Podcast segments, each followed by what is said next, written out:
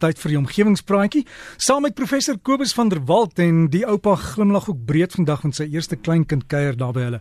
Professor, goeiemôre. Môre Derek, ja man. Dis nou maar 'n uh, 'n voorreg en ek dink jy weet my vriende wat oupas en oumas geword het, het altyd gesê dit is so besonder en dan besef eintlik eers wat dit is as dit self net met jou gebeur en dit is nou nogal so. Maar ja, kom ons kom terug by die omgewing. Uh ek wil vanoggend graag vertel van 'n oulike idee wat ek op die internet raak gelees het en dit gaan oor kompostering van huishoudelike afval.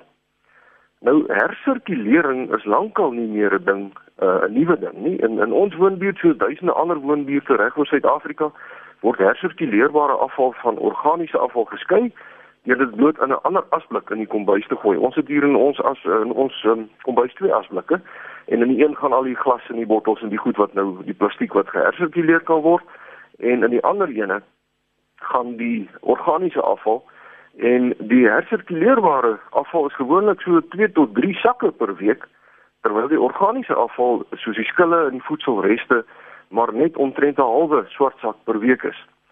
Nou ek het al voorheen gesels oor die konsep van kompostering waar mense nou al hierdie skille en ander organiese reste gebruik om kompos mee te maak wat jy dan nou weer in jou groentetuin of in jou blomtuin kan inwerk. En ek het selfs 'n paar oulike planne vir so 'n huishoudelike kompostuintjie op ons Facebookblad geplaas. Die idee is dat mense nou al jou tuinvulle soos jou gras en jou blare en takke met die kombuisafval meng en dit dan gereeld 'n bietjie water gee en dit omspit en dan vervaardig jy jou eie kompos wat 'n redelike besparing in die sak kan bring en natuurlik jou koolstofvoetspoor beduidend kan verklein. Maar nou is dit sodat nie alle mense genoeg plek het in hulle tuine vir so 'n kompostuin nie en nie almal is lus om met so iets te begin nie want 'n mens moet maar jou hand op die besigheid hou anders is dit net 'n gemors. Nou in die stad Austin in Texas in Amerika het iemand hier 'n besigheidsgeleentheid raak gesien en 'n maatskappy met die naam The Compost Peddlers gestig. Nou normaalweg word die organiese reste en tuinafval na munisipale stortingsterreine toe aangery waar dit dan begrawe word en daar onder die grond lê dit dan nou stadig en verrot. En hierdie verrottende materiaal vorm metaangas wat vrygestel word in die atmosfeer en metaangas is 34 keer so sleg vir klimaatsverandering as wat koolstofdioksied is. En hierdie metaangasvrystelling hou dan nou aan solank as wat hierdie verrottingsproses voortduur. Nou die idee agter die compost peddlers is om 'n ekovriendelike besigheid te bedryf om die stad se koolstofvoetspoor wat die resultaat is van al hierdie tonne organiese afval wat nou metaangas vrystel, beduidend te verklein deur hierdie afval dan eerder by die huise te gaan oplaai en te vervoer na 'n sentrale perseel toe waar hulle dan kompos daarvan maak. Nou hierdie maatskappy het 'n klomp fietsse aangekoop en die fietsse is nou toegerus met 'n klein sleepwaandjie en 'n klomp werknemers ry dan weekliks stelselmatig deur die hele stad en laai al die organiese materiaal by die huise op presies net soos wat die uh, die vuilgoed vragmotors die swart sakke hier by ons oplaai elke week. Nou hulle gaan gooi egter nie hierdie swart sakke op die vullestrein weg en begrawe dit nie, maar hulle doen dan, dan nou die vuilwerk om die kompos te maak en jy kan dan by dieselfde mense 'n sakkie of twee kompos bestel wat hulle dan weer per fiets by jou huis kom aflaai as hulle weer die volgende swart sak kom oplaai. Nou die hele vervoerstelsel van die besigheid is dus ekovriendelike fietsse met geen brandstofgedrewe voertuie wat gebruik word nie en die netto effek van hierdie besigheid is baie groter as wat mense sou dink want net in die stad Austin word daar jaarliks bykans 300 ton organiese afval deur hierdie mense op hulle fietsse versamel. Dit beteken 300 ton minder afval per jaar wat op vullishoope beland, met die gevolg dat 94 ton minder metaan per jaar deur die stad vrygestel word. Nou as mense nou dink aan die CO2 ekwivalent van metaan, dan beteken dit dat die stad Austin deur hierdie inisiatief 'n reuse 3200 ton minder CO2 per jaar vrystel as ander stede van vergelykbare grootte. En om dit in perspektief te plaas, kan dit vergelyk word met die gasvrystelling van 'n voertuig wat 25 keer na die maan toe en terug ry. Nou omdat al die vervoer met fietsse gedoen word, word 155 000 liter diesel per jaar bespaar en die maatskappy verkoop 69 ton kompos per jaar terug aan die inwoners teen baie billike tariewe. En Lesbes, die fietsryers verbrand 'n gesamentlike 3.5 miljoen kalorieë energie per jaar in die proses, wat beteken dat hierdie werksmag baie gesond en baie fiks is. Nou, ek dink hierdie is werklik 'n oulike idee wat dalk met vrug in van ons groter stede toegepas kan word. En dan direk terwyl ons van ligbesoedeling praat, wil ek graag 'n bietjie vertel van een van my goeie vriende, uh, professor Quentin Campbell. Hy is 'n chemiese ingenieur en hy ek dink hy is nou al op die vliegtuig op pad terug, maar hy was verlede week in Indië of hierdie afgelope week waar hy nou 'n akademiese konferensie bygewoon het. En hy het Dinsdagoggend vir my 'n WhatsApp gestuur om my te laat weet dat die ehm um, lugbesoedeling van deeltjies kleiner as 2,5 mikron in Delhi op daardie stadium meer as 500 dele per miljoen was.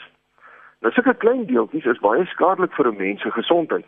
En daarom is die Amerikaanse standaarde 15, 15, 15 dele per miljoen vir langtermyn blootstelling en die 24 uur maksimum vlak is 65 dele per miljoen. Nou die lug wat Quentin in Delhi ingeasem het van 500 dele per miljoen is dis omtrent 9 keer veiliger as die maksimum vlak wat in Amerika toegelaat word.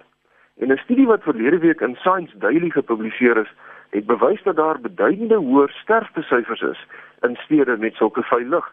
Navorsers van die Amerikaanse Openbare Gesondheidsassosiasie het die luggehalte van 100 Chinese stede met die sterftesyfers van mense wat aan verskillende siektetoestande ly gekorreleer. En hulle het bevind dat vuil lug nie net direk verbind kan word met 'n toename in siektes soos kardiovaskulêre toestande, asma en ook diabetes nie, maar dat stedelinge ook makliker sterf aan hierdie siektes. En hierdie bevinding staaf die syfers wat ek in verlede week se praatjie gegee het dat omgewingsbesoedeling elke jaar verantwoordelik is vir meer sterftes as vigs, malaria, tuberkulose, sigaretrook, motorongelukke en alle oorloë op aarde gesamentlik. Dan my vriend Quentin Campbell in Indië wil ek dus vanoggend graag 'n persoonlike boodskap gee en dit is dat jy miskien maar eerder jou mond en neus moet toeknoop met 'n sakdoek of iets terwyl jy daar in Delhi is, want ons soek jou graag gesond terug hier op die pik. En daarmee sluit ek dan nou af vanoggend. Skryf gerus vir my by kobus.vanderwalt by nwu.ac.za of u kan verdere besonderhede op Facebook se omgewingspraatjies blad kry. Vriendelike groete tot 'n volgende keer. Uh, professor, ek is nou net nuuskierig. Jy het nou gepraat van al die deeltjies daar in Indië en in Amerika. Wat is dit in Johannesburg, Pretoria en Kaapstad? Hoe hoe skoon is ons lug? Uh, dit ek op 'n op 'n slegte dag, kyk in die winter is dit gewoonlik nou erger.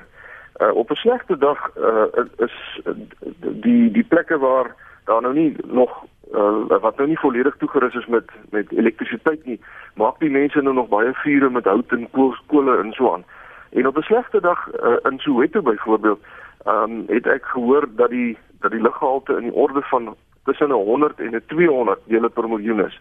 Nou daar in Delhi was dit 500 en Quentin het, het gisterand vir my weer ge-WhatsApp. Hy sê uh, daar was 'n reuse ongeluk wat hom 'n uur laat sit en wag het. Wat stringende motors in mekaar vasgejaag het omdat jy gewoon nie kan sien nie. So erg is die lugbesoedeling daar in Indië. Hm.